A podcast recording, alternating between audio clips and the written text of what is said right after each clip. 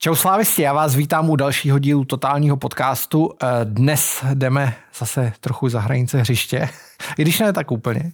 A mým hostem je sportovní psycholog Slávy Martin Macháček. Dobrý den. Dobrý den. Eh, sportovní psychologie, jak moc je to častá věc, že má tým sportovního psychologa? Obecně v Česku spíše ne. Ve světě samozřejmě je to daleko běžnější, jako asi ve všech nebo v mnoha jiných oblastech. Ale co se týče českého sportovního prostředí, tak je to spíše pořád jako výjimka. E, nicméně v posledních letech už se objevují místa, asociace, kluby, které na tohle dávají důraz.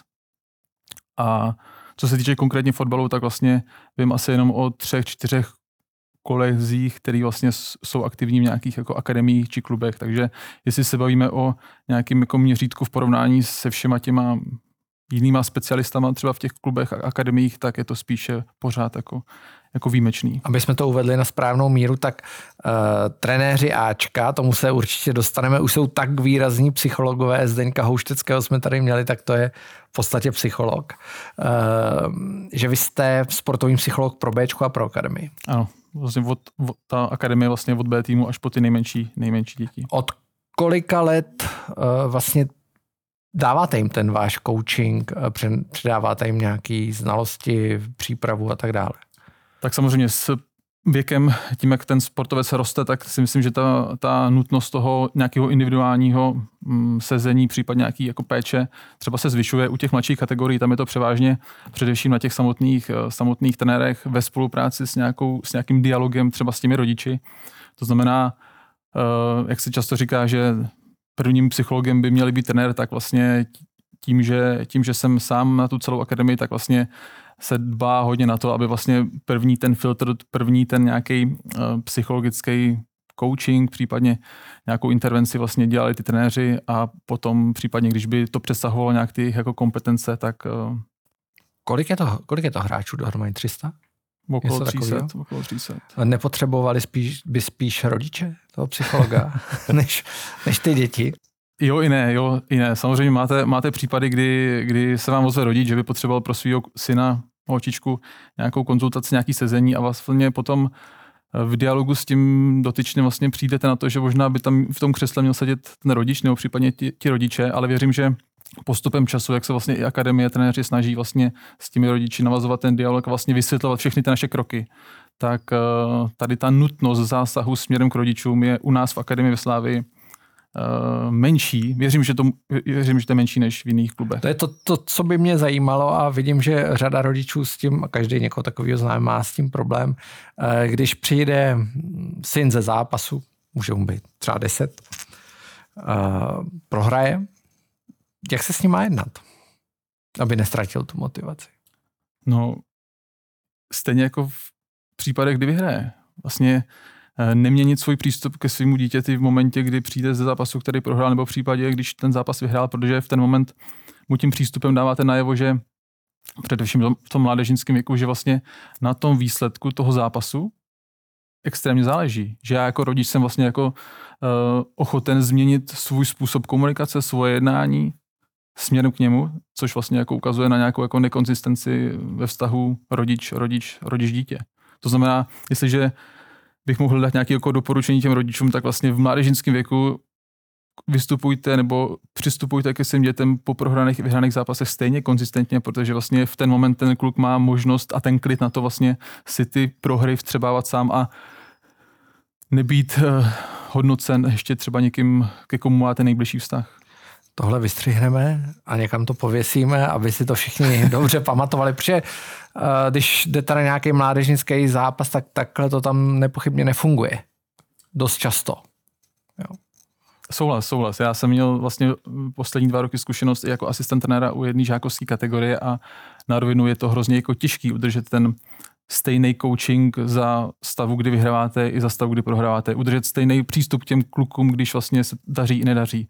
Ale vlastně tohle si myslím, že je jedna z těch klíčů k tomu, aby, aby ty kluci měli ten optimální tu optimální podmínku pro to se potom dobře rozvinout. Když ty kluci vyrostou a už nepotřebují toho rodiče, aby jim říkal, hrál si jako blbě nebo dobře, to je, to je jedno, ale už se sami o to zajímají, už je to, je to nějak formuje a motivuje. Tak jak k tomu mají přistoupit, když prohráli? Je to stejný? Mají k tomu přistupovat stejně, jako kdyby vyhráli? To asi nejde. To nejde, to nejde. Já nejsem naivní a vím, že ta emoce po prohraném zápase je úplně jiná než po tom vyhraném zápase. Nicméně vemte si, že v tom mládežnickém věku tam se bavíme o tom, že se všechny tady ty psychické dovednosti nebo mentální dovednosti těch hráčů teprve tvoří. A jestliže přijde nějaká ta porážka, tak vlastně pro toho hráče to může být obrovská možnost, jak vlastně sebe poznat v tom, jak jsem se třeba choval, když jsme třeba prohrávali, jakým způsobem jsem se choval, když jsem mi něco nepovedlo, udělal jsem nějakou chybu. A vlastně v ten moment ta porážka vlastně už nemá tak výrazně negativní konotaci, jako samozřejmě potom v tom dospělém fotbale, kde jde o ty peníze a tak dále, ale v tom, mláde, v tom mládežnickém fotbale vlastně ta porážka je obrovská možnost, jak ten hráč může poznat vlastně svoje chování v situaci, která vlastně ho dříve či později potom v tom velkém fotbale prostě bude potkávat. Jak moc velkou částí toho výkonu, ať už mladýho, staršího, je to jedno, uh, fotbalisty je, je ta psychologie. Je to 50, 10, 80%. Jo. Tady tu otázku dostávám velmi často. Já když si jdu zaběhat, tak je to 90%. jasný, jasný. Jo, ono, eh, veškerý ty modely, které byly třeba mm, dřív prezentovaný, že vlastně ten sportovní výkon se skládá se všech těch jako složek toho, toho výkonu, tak vlastně udělali takovou jako trošku blbou službu, že vlastně jsme si začínali myslet, že vlastně se ta psychika dá trénovat jako odděleně. Že vemte si, že vlastně psychika vám ovlivňuje to, jakým způsobem třeba se učíte tu techniku, protože technika se učí třeba i drillovým cvičením a to, jak dlouho vy jste schopen vlastně v tom drillovém cvičení udržet tu maximální koncentraci, rozhoduje o tom, jak se naučíte tu technickou dovednost. Pak máte nějaký kondiční rozvoj nebo silový rozvoj, no a tam zase se bavíme o nějaký vůli. Pak máme třeba taktickou taktický rozvoj těch hráčů a tam vlastně se zase bavíme o tom, jestli třeba ten hráč chápe nějaký ty posuny, to chování na tom hřišti v těch konkrétních prostorech, pozicích a tak dále. No a zároveň třeba, jestli si vlastně i to svoje chování v té situaci dokáže jako představit, vizualizovat a vlastně pracovat s tím i ve své hlavě. To znamená, najednou se vám ta psychika dostává vlastně do všech ostatních složek toho výkonu a za mě jako bych to vůbec neodděloval. Vizualizace, eh, když jsem si načítal něco o sportovní psychologii, tak vizualizace je docela hojně preferovaná metoda nebo ho, hodně, hodně používaná, asi čím dál tím víc. Jak to funguje? Jak vy donutíte si hráče vizualizovat nějakou situaci? Vemte si, že ty hráči už to dělají. To znamená, když vy se hráči, hráče zeptáte, pověs mi o tvém předchozím výkonu nebo posledním výkonu, tak vlastně najednou oni automaticky začnou vlastně vzpomínat a rekapitulovat vlastně, co se dělo na tom hřišti. V ten moment já vlastně koukám především na to, jestli vlastně ty obrazy a ty myšlenky, ty představy jsou spíše pozitivní, to znamená, beru to tak, že tam nejsou žádný brzdy limity, které by ho v té vizualizaci, v tom tréninku té vizualizace měly brzdit. V momentě, kdy tam jakoby ten hráč spíše mluví o tom, jak se mu něco nepovedlo, kdo na něj křičel, jaký tlak se na něj vyvíjel, jaký bude mít třeba důsledek ten jeho špatný výkon. No tak tam logicky, ještě než se dostaneme třeba k té vizualizaci, tak je potřeba vlastně se pobavit a pokusit se odstranit tady ty limity, bloky, které prostě mu nedovolej ten optimální psychický stav pro ten optimální, pro ten optimální výkon. Zajímavý, to budu muset někdy vyzkoušet. Ale jenom vlastně chci říct, že ta vizualizace vlastně probíhá aniž by to muselo být v, při nějakém sezení se sportovním psychologem, vlastně, že přirozeně ty kluci si chování svý na tom hřišti v těch situacích vlastně představují. Teď je otázka, jestli to dělají dostatečně efektivně a správně. Když se podívám na tu praxi a dostaneme se k tomu, vy jste samozřejmě bývalý uh, fotbalista, poměrně úspěšný, k tomu se dostaneme, a to ještě brzy. Uh, každý ten hráč je individualita. Uh, za tu vaši poměrně krátkou kariéru sportovního psychologa. Byť jako dost, dost výraznou. Nejtěžší případ, ale ve smyslu, kdy jste si osvědčil, že to funguje. Ve smyslu, že byl případ, který byl složitý, nevím, chyběla mu motivace, měl těch případů v, ve fotbale spousta od poruch příjmu potravy po, po nějaké jako nedostatek vůle a říkal jsi si, nedělal jsem to zbytečně a funguje to. Jo. To mě zajímá.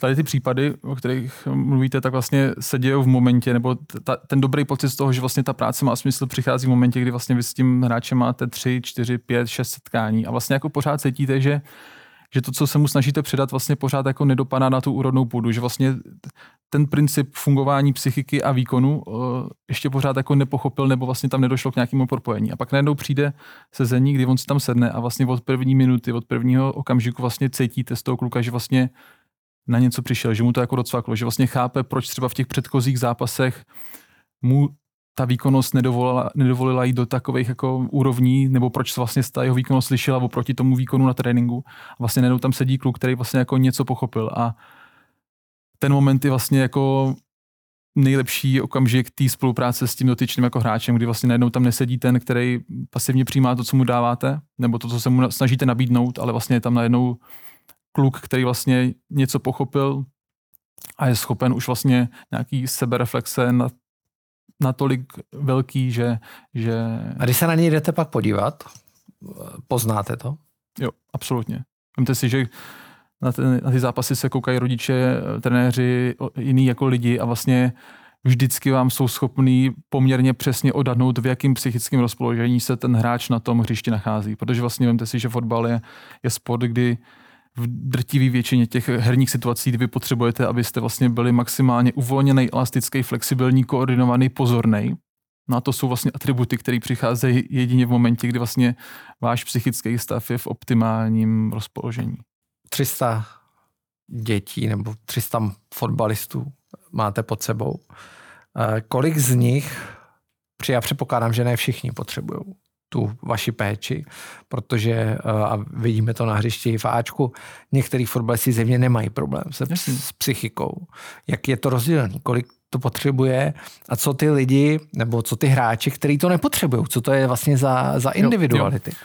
Jo, jo když to řeknu nadneseně, tak vlastně my tady v akademii pracujeme tak, aby tady vlastně žádný sportovní psycholog potřeba nebyl. Aby samotný to prostředí, který tady vytváříme, vlastně tvořilo samostatný, eh, sebevědomý, motivovaný, ambiciozní kluky, který vlastně budou sebe znát natolik dobře a budou mít vlastně kolem sebe tak dobrý prostředí, že vlastně žádný psycholog tady vlastně jako nebude potřeba. Jo? A vždycky říkám těm hráčům, kteří třeba přijdou do, na to sezení a říkám, hele, eh, jsou i samozřejmě případy, kdy některý hráči dosáhnou toho vrcholu, toho maximálního levelu, té úrovně, vlastně aniž by se kdykoliv potkali se sportovním psychologem nebo mentálním koučem, ale jsou to většinou ty případy, kdy vlastně měli buď to tak dobrý rodinný zázemí, anebo měli vlastně to štěstí na ty dobrý sportovní trenéry, že vlastně tyhle ty všechny komponenty, které třeba často rozebíráme na tom sezení, jim pomohly spolu vytvořit ty, ty vzory, které měli kolem sebe. Takže většina to nepotřebuje většina je možná asi složitý. Většina je asi jako velký slovo, ale řekl bych, že polovina to potřebuje, polovina ne. Rodinný zázemí jakou hraje roli? Je to, je to ta klíčová věc, nebo je to naopak eh, třeba ten trenér? Protože všichni, kdo jsme dělali nějaký sport, víme, že trenéři mohou být různí eh, a někdy to není úplná zábava. Eh, tak jaký jsou ty poměry? Pocitově. Já nechci, Jasný, nechci. rozumím, rozumím. Uh, já bych řekl, že s přibývajícím věkem samozřejmě ten vliv té rodiny logicky, logicky slábne. Uh, nějakým kritickým bodem nebo momentem vnímám to, že uh, je potřeba, aby vlastně ta rodina a ten trenér vlastně v tom kritickém období třeba 12 až 15, 16 let byli vlastně jako v souladu. Aby to, co ten hráč Eh, má dělat nebo co se po něm vyžaduje během toho tréninkového procesu, aby vlastně to podporoval samotný i ten rodič. Jo? Protože pak, když tam vznikne nějaká, nějaká, jako, nějaký rozpor, tak potom eh, i ten hráč se v tom ztrácí a logicky jiný informace dostává od trenéru, jiný informace dostává od rodičů a to nejsou ty optimální podmínky pro ten rozvoj té psychické odolnosti, samostatnosti toho hráče. Jsou hráči, kteří to nedají. Jsou hráči, kteří uh, jsou technicky skvělí, fyzicky fantastický, ale prostě nemají ten mindset uh, nastavený na, na ten vrcholový sport. Pak, když bychom přijali tu premisu toho, že vlastně se ten hráč s nějakým tím mindsetem pro ten sport rodí, tak ano, určitě se narodí nějaká nějaký procento sportovců, který třeba to nedotáhnou nahoru na ten vrchol, protože tam ten mindset jako není tak optimálně nastavený, ale vlastně i z mý pozice já vlastně musím zastávat to stanovisko, že vlastně i tady ty, řekněme, psychické vlastnosti, dovednosti, i ten mindset se vlastně jako dá trénovat. Jo, já vlastně nemůžu jako uh, tvrdit, že přijde mi tam hráč a, a, já mu, a já mu, abych mu říkal, prostě si se narodil jako se špatným mindsetem a, a ten, Takže se ten nerodí. velký fotbal pro tebe nebude. To znamená vlastně i ten můj přístup vlastně je spíše eh, na tom, že se všechno dá trénovat. Vy jste tu psychologii samozřejmě vystudoval, ještě se zabýváte nějakým jako vědeckým studiem. Uh, liší se fotbal od jiných sportů? Je samozřejmě je to kolektivní sport, což, což asi první, co mě napadne. Já jsem hrál tenis a třeba mindset, můj mindset byl dost problém vždycky v tenise, protože a nejsem asi při sportu, při sportu dostatečně psychicky odolný, abych nedělal chyby. Jo? Prostě ne, ne, ne, málo kdy se ty momenty, kdy se dokážu uh, nastavit uh, do nějakého jako ideálního stavu, těch není během toho zápasu třeba tolik. Uh, a v tom je ten rozdíl. V tom tenise ta, ta individual, individuálnost toho sportu prostě mm, měl jsem vždycky pocit, že ta psychika je tam jako 90%. Jo? Že víceméně technicky jsou všichni stejní.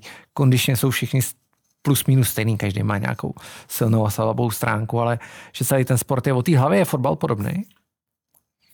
Ano i ne. Vemte si, že nebo tam, kde vzniklo to tvrzení, že vlastně ten velký výkon je hodně, hodně o té hlavě, o těch 90% eh, spojených s tou hlavou, tak vlastně to vzniklo z toho, předpokládám z toho, že vemte si, když dlouhodobě trénujete, tak vlastně vaše technika je plus minus stejná, v lepším případě lehce roste. Vaše kondice je plus minus stejná, v lepším případě lehce roste. Ale vlastně to, co rozhoduje týden co týden o tom, jaký ten výkon konkrétně podáte, je vlastně to, jak jste se dokázali hlavou na ten výkon připravit. Ale asi to ne, asi se shodneme na tom, že kdybychom vzali nějakého se vší úctou nějakého kluka z okresního přeboru a vlastně vytipovali, že on je to ten s nejlepším mindsetem, pracovali s ním po psychologické stránce, že by vlastně on dokázal dohnat tu výkonnost v těch ostatních složkách a mohl se rovnat tady třeba s hráčem a sáčka. To asi jako ne. A k té otázce, jestli se vlastně jako ten fotbal v něčem jako liší, tak tím, že je to kolektivní sport, tak vnímám při těch našich sezeních, že velkou velký dluh vůči těm našim sportovcům v tom týmovém sportu máme vlastně, že hm, často i v dobrý víře vlastně jim jako nenecháváme dostatek aktivity k tomu, aby vlastně si ten svůj rozvoj vlastně řídili sami. Jo, vemte si, když máte individuálního sportovce, tak vlastně on je zvyklý od malého věku přemýšlet o tom, co bude dělat, jak bude trénovat, kam pojede na turnaje, kam nepojede na turnaje a tak dále. A vlastně přirozeně se u něj rozvíjí ta vlastní iniciativa k tomu svýmu výkonu, k té své kariéře tady v tom vlastně sportu u nás ve fotbale vlastně je to tak nastavený, že a, asi to nejde jen tak jako změnit, že hráč přichází na týmový trénink, který mu vytvoří trenér a který vlastně i plní podle pokynu toho trenéra. Věřím, že poslední dobou se to u nás jako v akademii velmi mění, protože jsme vlastně vytvořili i uh, fotbalovou metodiku, kde vlastně každý ten hráč ví, co se na tom tréninku bude dělat a má možnost vlastně k tomu uh, v diskuzi s trenérem vlastně mít i svoje nějaké postřehy, změny pravidel těch cvičení a tak dále. To znamená, je to nějaký jako první krok k tomu, aby, my, aby jsme přinesli tady ten benefit těch, tým, těch individuálních sportovců i do toho týmového sportu fotbalu. Existuje něco jako u kolektivních sportů, nebo zrovna u fotbalu, něco jako kolektivní vědomí asi není úplně správný označení, ale když se říká, že nějaký tým je dole, psychicky dole, nějaký tým je psychicky nahoře, tak uh, samozřejmě to vychází od, nějakého, od nějakých individualit, ale existuje něco, co se dá, vlastně s čím vy můžete bojovat? Že ten tým je dole. Teď jako nemáte jenom toho jednoho hráče, ale celý ten tým je úplně rošlehaný, protože uh, prohrál se Spartou. Jo. Dá se s tím pracovat, samozřejmě. A ta nějaký vodítka by vedly samozřejmě k těm jako stěžením hráčům v tom týmu, protože ať chcete nebo ne, tak tam vždycky nějaký takový jsou. Byť bychom chtěli, že aby z každého toho hráče v našich, našich týmech, v naší akademii vyrostli ty lídři, tak vlastně některý logicky proto mají větší predispozice, některý menší a velmi často právě, když na ten tým padne třeba nějaká takováhle deka, tak se prostě jde přímo za těma lídrama toho týmu, protože ty ostatní hráči se velmi pravděpodobně jenom jako nakazili tou špatnou morálkou, atmosférou, dynamikou třeba mezi těma, mezi těma lídrama té skupiny. Jak důležitý, jak důležitý jsou hráči typu uh, standardy, co nekonečná debata. Uh, trenéři vždycky říkali, a Jindřich Trpišovský to vždycky říkal, standardy, co tam musí být. Protože on byť se tady vám nelíbí, že jak hraje, vám se nelíbí, že spálí tu a tam šanci, tak ten jeho přínos psychologický je tak obrovský, že strhává celý ten tým. Jo, a v tom je vlastně i tak odpověď, že vlastně třeba ty nějaký komentáře na to, zda by tady měl dál být nebo ne, tak jsou vlastně odtržený od toho konkrétního života to, toho týmu, té kabiny. A myslím si, že trenérský tým jako ví moc dobře, proč ho tam má a protože vlastně vidí chování standy v těch každodenních situacích s tím týmem, no tak vlastně ten jeho benefit, ten jeho přínos tam vlastně je neodiskutovatelný. Takže je to jenom možná jako nepochopení se toho, kdo vidí, jaký detaily toho přínosu ten, ten standa je v tomhle úplně podle mě skvělý případ, protože to vlastně ten divák to nemůže vidět. Jasný. To psych, psychické rozpoložení toho týmu, jasně. Tým prohraje, tak eh, je to jasný, ale, ale uh, v těch detailech to vidět není. Přesně tak a víte si, um, i třeba rodiče, když se dívají na nějaký tým, ve kterém hraje jejich syn, tak vlastně mají plno konkrétních uh, postřehů a komentářů o tom, jak by se mělo střídat, hrát, jak by trenér měl s těma hráčima mluvit, pracovat a tak dále, ale vlastně oni potom nejdou do té kabiny, kde jsou jenom ty hráči a ty trenéři. Oni potom nejsou na těch soustředěních, na těch zápasech, v autobusech a tak dále s těmi trenéry a s těmi hráči. To znamená, eh, vždycky je to o tom, že trenér se rozhoduje na základě těch vstupů, těch informací, které vlastně má z života toho týmu a nikdo jiný, kdo v tom týmu vlastně jako není, tak nemá možnost eh, to posoudit na stejný úrovni nebo se stejnýma vstupama jako ten trenér. Standa Tesla je jeden příklad, druhý příklad je, je pro mě David Hovorka, takového bojovníka, uh, určitě ho všichni pamatujeme při, uh, při jeho obraných zákrocích, ale dostal se do situace v kariéře, kdy sice se nakonec z těch zraní dostal, ale už i přiznal, že už prostě se bojí, už, už nechce Eh, dál eh, absolvovat tréninky, zápasy, protože se bojí toho zranění. Je to častý, dá, s tímhle se asi bojovat nedá. To už, dá se to vůbec překonat? Eh, do toho... Já říkám, vy nejdáte Ačko, jo, takže... Jasný, jasný. Právě do tohohle případu jako úplně tak detailně nevidím. S Davidem jsme se párkrát potkali, ale především jako na té profesní úrovni o tom, protože on se taky teď začíná věnovat tady té oblasti.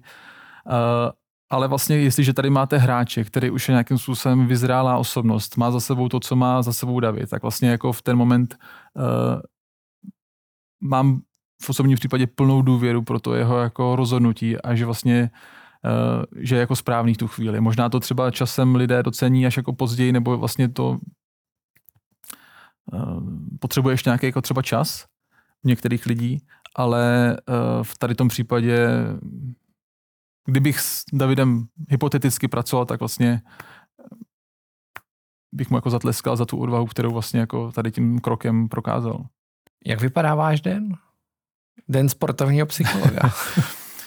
Velmi uh, nestandardně a řekl bych, uh, není každý den jako, jako, jako předchozí. Uh, vlastně ty dopolední časy věnuju velmi často nějaké administrativní činnosti, přípravě na sezení, případně nějakou, nějaký reflexy reflexy z těch předchozích sezení, ať už individuálních nebo týmových.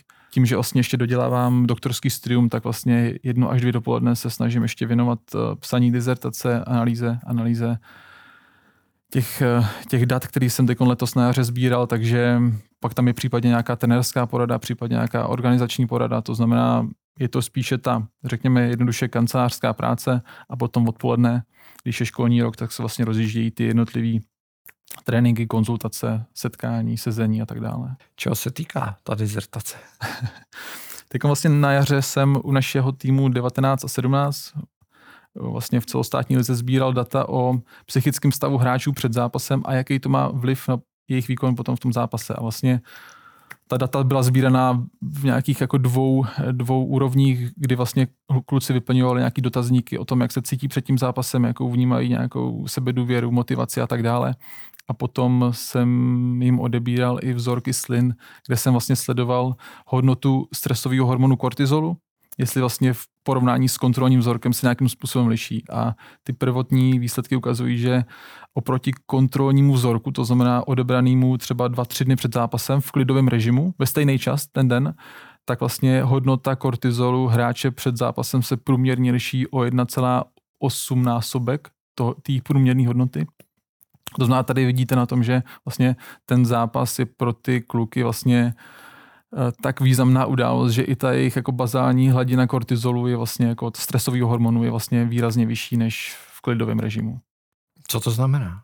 Že vlastně pracujete se dvouma světama toho hráče. Jeden je ten, kdy s vámi sedí na tom sezení, kdy je vlastně v klidu a není pod září těch reflektorů.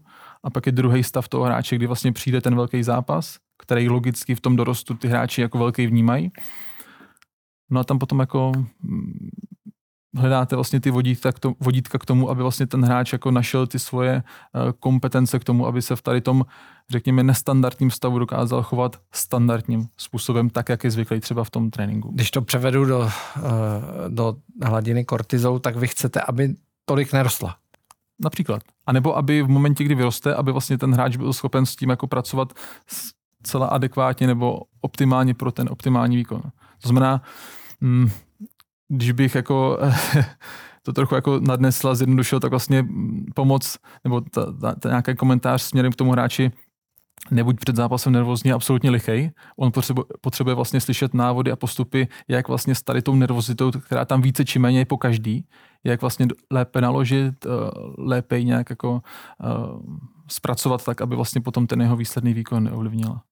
To byste měl měřit ještě třeba když hráš na penaltu v důležitém zápase. Což kdyby to nebyl fotbal, kde vlastně se to nelze přerušovat. Třeba v hokeji se tohle to dělalo a tam to samozřejmě šlo daleko eh, efektivněji, protože při každém střídání tam byla možnost odběru toho kontrolního vzorku.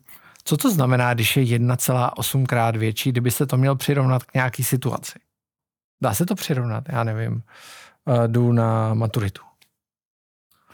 Dá se to takhle přirovnat? Možná asi jo, možná asi jo. A vlastně narážíte i na jako způsob práce, který třeba s těma klukama jako často jako dělám. I říkám, myslím že ty třeba v tom zápase seš nervózní, zažíváš nějakou nervozitu. Tak vyjmenuj mi jiný situace v běžném životě, který třeba ti přinášejí podobný druh nervozity. Tak oni často říkají, když třeba se mám přihlásit ve škole, nebo když mám vystupovat před nějakým publikem a, a, řík, a prezentovat něco. A velmi častá moje intervence nebo nějaký, jako, nějaký úkol, který tomu hráči dávám, říkám, Určitě tě zajímají holky, zkus třeba nějakou oslovit v tramvaji, jak, jako jednoduše prostě, abys tam byl sám, aby tam nebyli ostatní kluci, kteří by ti samozřejmě dodávali nějakou sebejistotu, buď tam sám a zkus oslovit nějakou slečnu, která se ti třeba bude líbit. A on vlastně, no to neudělám. Já budu vlastně nervózní a já říkám, no a právě to jsou ty momenty, kdy ty si vlastně můžeš v bezpečných podmínkách osobního života vyzkoušet, jak vlastně s tou nervozitou, která ti prostě takhle vylítne, jsi schopen vlastně efektivně naložit tak, aby vlastně ti to potom nebrzdilo, že za tou holkou jsi schopen jako dojít a říct že jí to dneska sluší a popřát jí hezký den. A v ten moment najednou, když ten kluk přijde a má vlastně za sebou tady tu zkušenost, že to se mu to vlastně povedlo, tak najednou on tam sedí kluk, který vlastně ví, že se svojí nervozitou může pracovat a že to jako jde a že to má nějaký efektivní výstup třeba směrem potom k tomu, k tomu zápasu. Kolikrát je úspěšný pak? Myslíte při oslovení té slečny? Při oslovení té slečny. To už potom jako nerozvídáme dál. to je důležitý samozřejmě pro jeho uh, duševní pohodu. Určitě. Následující. Takže jste možná uh, mu zlepšil život ještě jako po všech stránkách. Uh, nicméně, jak jste se ocenil ve Slávii? Já vlastně... Jak se člověk uh, v povolání, který není běžný v Česku, ocitne ve sportovním klubu? Já bych jako řekl jednoduše, musíte to prostě jako chtít. Po škole, kdy já jsem vlastně uh, ukončil svoji kariéru, řekněme, na té vyšší úrovni ve třetí lize, tak jsem vlastně absolutně jako aktivní hraní odsunul na druhou kolej. Začal jsem pracovat v jedné vzdělávací firmě a začal jsem pomaličku rozvíjet uh, svůj jako soukromou praxi v oblasti sportovní psychologie, ale cítil jsem, že vlastně když tam sedím s tím sportovcem, tak je vlastně jako dobrý mít možnost nebo minimálně znát to prostředí, ve kterém se ten sportovec nachází. A logicky tím, že jsem hrál fotbal, tak, tak se nabízelo, že, že ty svoje služby nabídnu někam zpátky do fotbalu a tehdy Slávě, eh, nebo i nyní, eh, je ta, která vlastně je pokroková, která vlastně tady ty nový podněty do toho svého tréninkového procesu zařazovala. A tenkrát vlastně jsem se ozval tehdejšímu řediteli akademie. Měli jsme asi tři, čtyři schůzky, kde jsme se jako definovali tu moji pozici, vůbec sjednotili ten pohled na, na ten psychologický rozvoj těch hráčů a od té doby vlastně tady působím. Co je třeba zdůraznit, tak vy jste v podstatě úspěšný fotbalista. Uh, měřeno tím, že jste to nakonec dokopal až do, do první ligy, ne? Dukla Příbram. Uh, abys... Dostaneme se k tomu. A koukal jsem, že jste jednou hrál za 21. Ano, ano. Což je skvělý. Je to skvělý. Jako já vlastně, eh, ta moje fotbalová kariéra měla jako strmý nárůst od nějakého 15. roku věku, kdy já jsem ještě vlastně do 15 let hrál okresní přebor u nás na vesnici a potom přes půlroční angažma v divizi dorostu jsem, jsem potom uh, se dostal do ligového klubu a, a ta kariéra potom jako měla poměrně jako strmej, strmej nárůst do doby, kdy vlastně uh, jsem potom začal pocitovat, že třeba ty mezery v té technice a v té taktice, které už jsem jako získal tu mezeru do těch 15 let, vlastně nejsem schopen kompenzovat větším odhodláním um, a dalšíma věcma. A v ten moment jsem se rozhodl, že vlastně nechci uh, potom řešit, co dál se životem v 35 letech po ukončení kariéry. Takže jsem začal studovat ve 22 letech uh, psychologii a vlastně v momentě, kdy jsem ji dodělal, tak jsem věděl, že už ta moje kariéra nebude mít směr do zahraničí, do velkých zahraničních lig a tak jsem vlastně udělal velmi jako řeknu, razantní rozhodnutí, kdy jsem se vrátil zpátky na tu vesnici, uzavřel jsem ten kruh a, a začal se věnovat naplno té psychologii. Eh, musí padnout úplně zásadní otázka. Co by Martin Macháček, eh, psycholog, řekl Martinovi Macháčkovi, eh, hráči, který jehož kariéra strmě roste a teď se nachází na tom vrcholu a přesně začne si uvědomovat, že má nějaký mezery? Já bych řekl, že jsem se v tu chvíli zachoval jako tak, jak bych si i teď jako doporučil. A já jsem teď zpětně za to, za to rozhodnutí um, nežít ten pohodlný život to v fozovkách pohodlný, život. Toho, jenom určitý čas. Tak, tak, tak.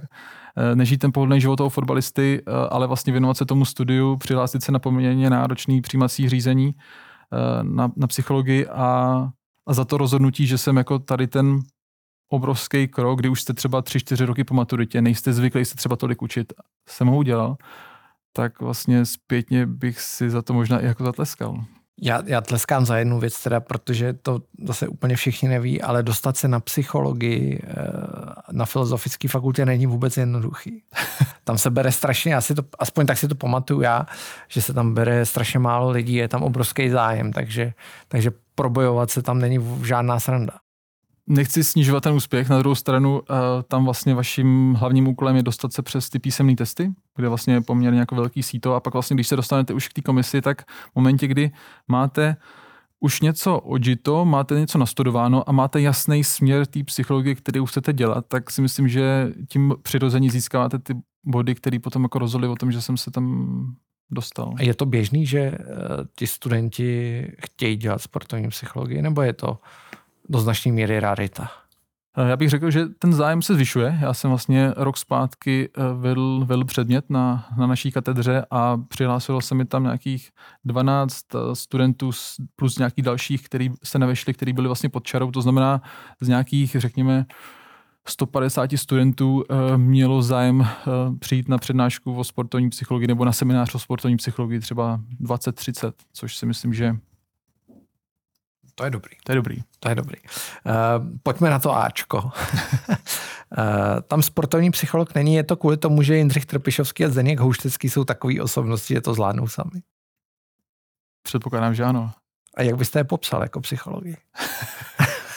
Tohle to si musí pustit. To si, a oni oba na to koukají, takže pozor. Takže důležité, co řeknu.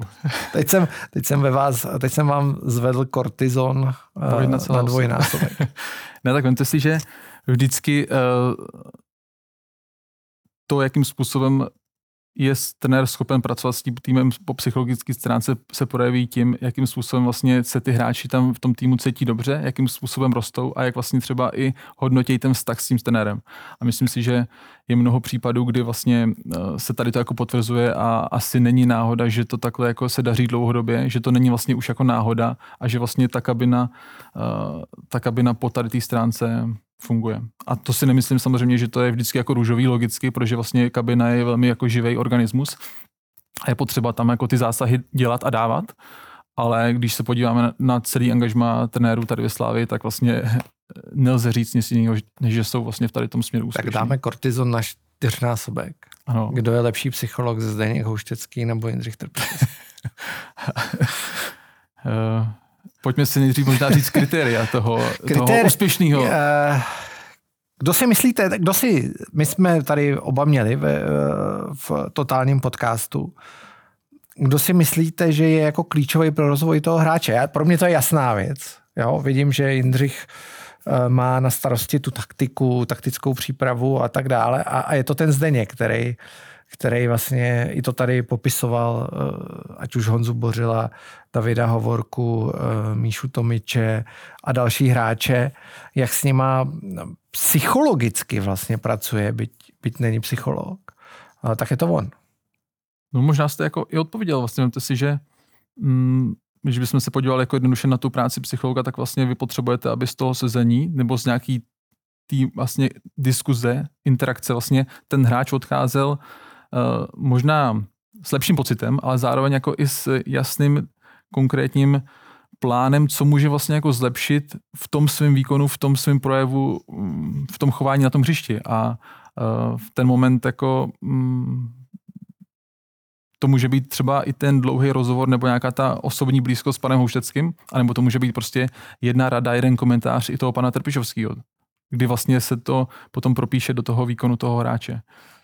Když se na ten tým podíváte, tak z psychologického hlediska, jak na vás působí? Že ví, co má dělat. A v momentě, kdy víte, co má dělat, máte dělat. To, tohle je ozna- ten současný tým je označovaný za ten jako silný, že tam je silný duch. Přesně tak že ví, co, že, co má dělat, protože v momentě, kdy víte, co máte dělat, tak hladina toho kortizolu logicky klesá, protože vlastně máte konkrétní plán, co máte dělat, když. A v ten moment uh, to, to potom působí na nás všechny, že ten tým je silný, ale vlastně on má přesný zadání, přesný jako šablony toho, jak se v konkrétních situacích chovat a tak dále. Bylo to vidět na zápase v Liberci, kdy to nezačalo úplně dobře. Krátce po zahájení se prohrávalo 2-0, ale nakonec z toho bylo, ne, nechci říkat pohodlný vítězství, vítězství 3-2, ale celou dobu jsem měl tak jako pocit, říkal jsem si uh, a psal jsem si s jedním mým kamarádem, který spíš fandil Liberce, říkal, to je v pohodě, to otočíte. Jo, ten náš tým nemá, on říkal, ten náš tým hmm. jako na to, ten nemá tu výdrž, hmm. jo, i tu, i tu psychickou. Jo. A ten moment vlastně vy tady ty momenty tak trochu jak vlastně chcete, abyste viděl u toho svého týmu, kterýmu fandíte, vlastně tady ty momenty, kdy nedaří se, ale vlastně on je schopen to zlomit. A když teď odběhnu zpátky třeba k té mládeži, tak eh, velmi jako taková kontroverzní věta, která třeba vím, že jako leží v žaludku trošku některým jako trenérům, když vlastně říkám, když třeba tým v poločase 2-0 prohrává, tak vlastně jako říkám z učebního hlediska pro ty hráče, pro ty mládežníky, mládežníky vlastně dobře. Protože vlastně Vemte si hrát dobrý zápas, do, podat dobrý výkon v momentě, kdy se vlastně všechno daří od první minuty. Je vlastně hrozně jednoduchý. Ale vlastně poprat se s nepříznivým vývojem zápasu, po třeba i vašich individuálních chybách, je vlastně jako obrovsky náročný a je to vlastně úplně jiný de facto sport v tu chvíli, než když vlastně se všechno daří. Takže my třeba hodně diskutujeme s trenérem a vlastně, jaký je optimální poměr výher a proher pro ty naše hráče, aby jsme z nich třeba vychovali ty odolní hráči, kteří jsou schopní potom rozhodovat podobný zápasy, jako byl ten v Liberci. Protože jestliže ten hráč by zažil ve Slávi, kde samozřejmě je výběr těch hráčů, jsou dobře trénovaný, jsou dobře vybraný, a zažil by během toho vývoje jenom vlastně vítězný zápasy, vyrostl by z něj ten odolný hráč, který potom je schopen v tom velkém fotbale ty, ty, ty zápasy otáčet?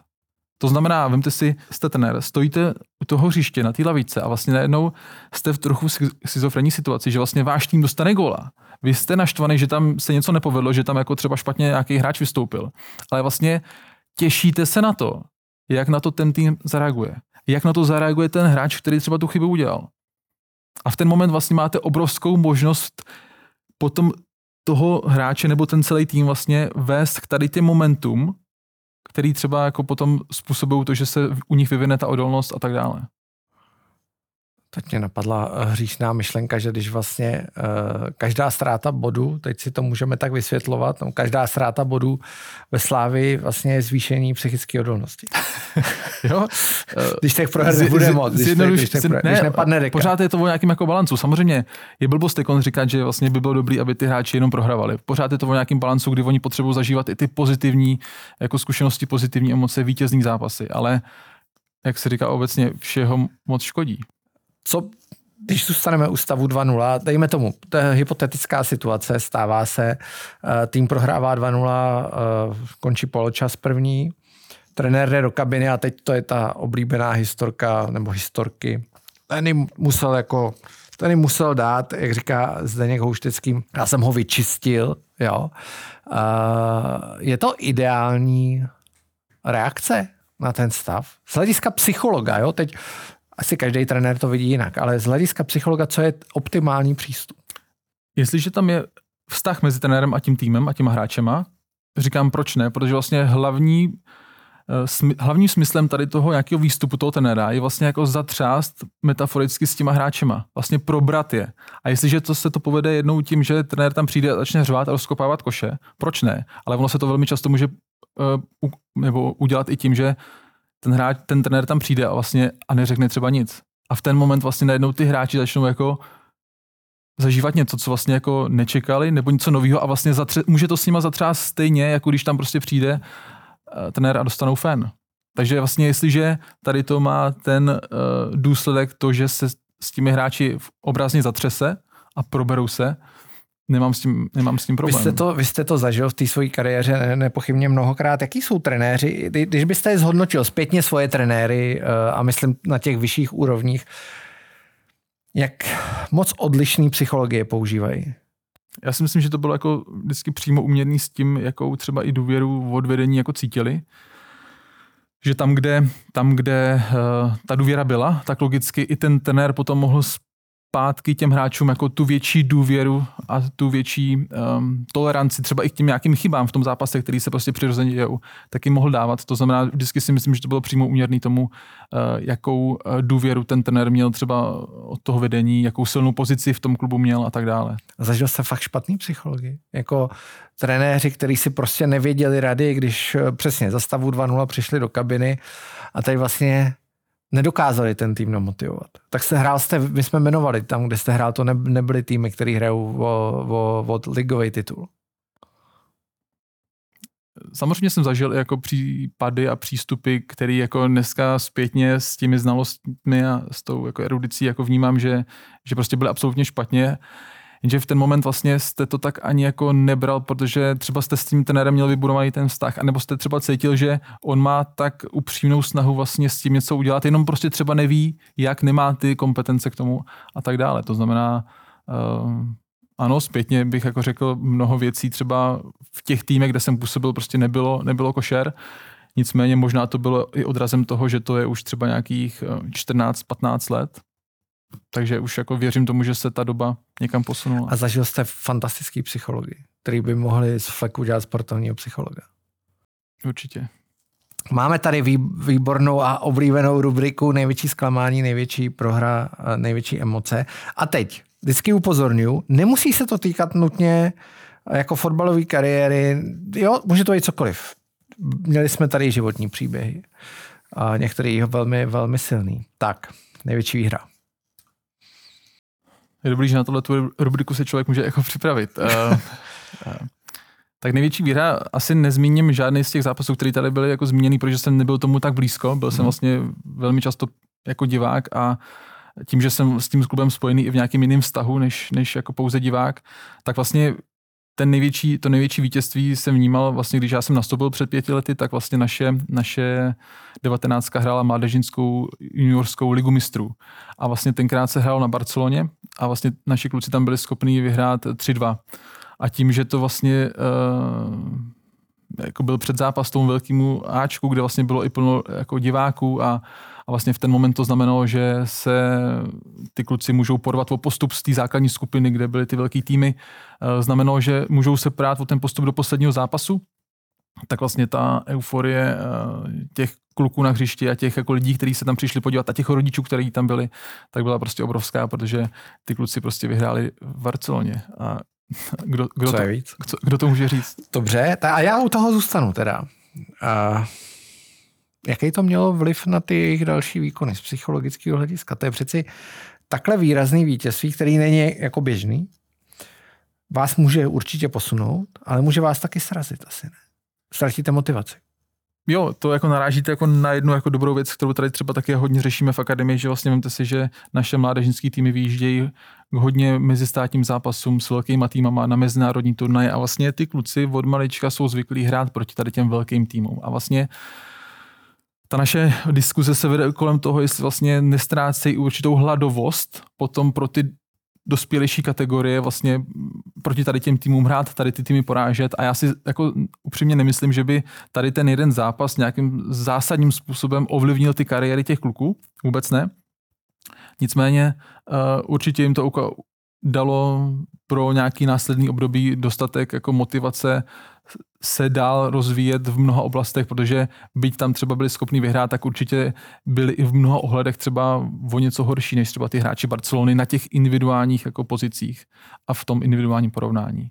To znamená, byť dosáhli třeba týmových úspěchů, tak určitě já jako pravý back, který jsem třeba ten zápas vlastně vyhrál, jsem si mohl vzít vlastně od toho pravýho beka té Barcelony vlastně jeho chování, jeho, jeho, jeho nějaký věci, které tam prostě ukazoval. To znamená, byť tam třeba bylo to vítězství, tak věřím tomu, že tam jako určitě nepřišlo uspokojení, protože ty hráči Barcelony byli skvělí prostě.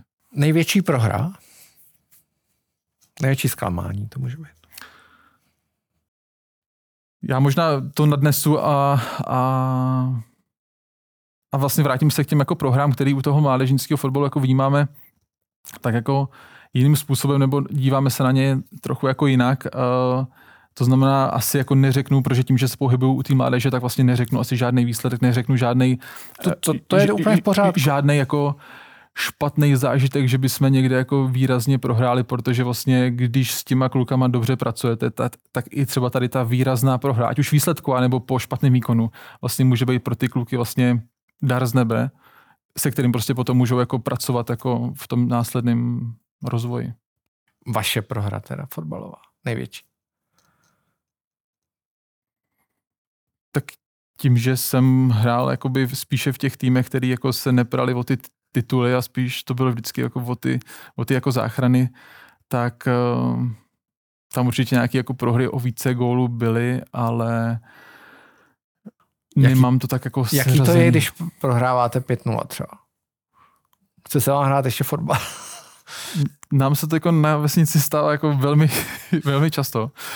A vlastně v ten moment máte jako dvě možnosti, jako máte možnost vlastně jako to tam jako dohrát, odchodit, vlastně dojet na nějakou setrvačnost, anebo i vlastně v těch zbývajících 30, 40, 50 prostě minutách vlastně si tak jako sám sobě dokazovat, že vlastně já do, do každého toho zápasu nebo do každého toho souboje vlastně jsem schopen jít pořád jako s plnou intenzitou, s plným nasazením, s nějakou vírou, že třeba ten jeden souboj proti tomu svýmu jako konkurentovi na, tý, na tom hřišti. Napadá mě ještě jedna věc. Napadá mě ještě jedna věc.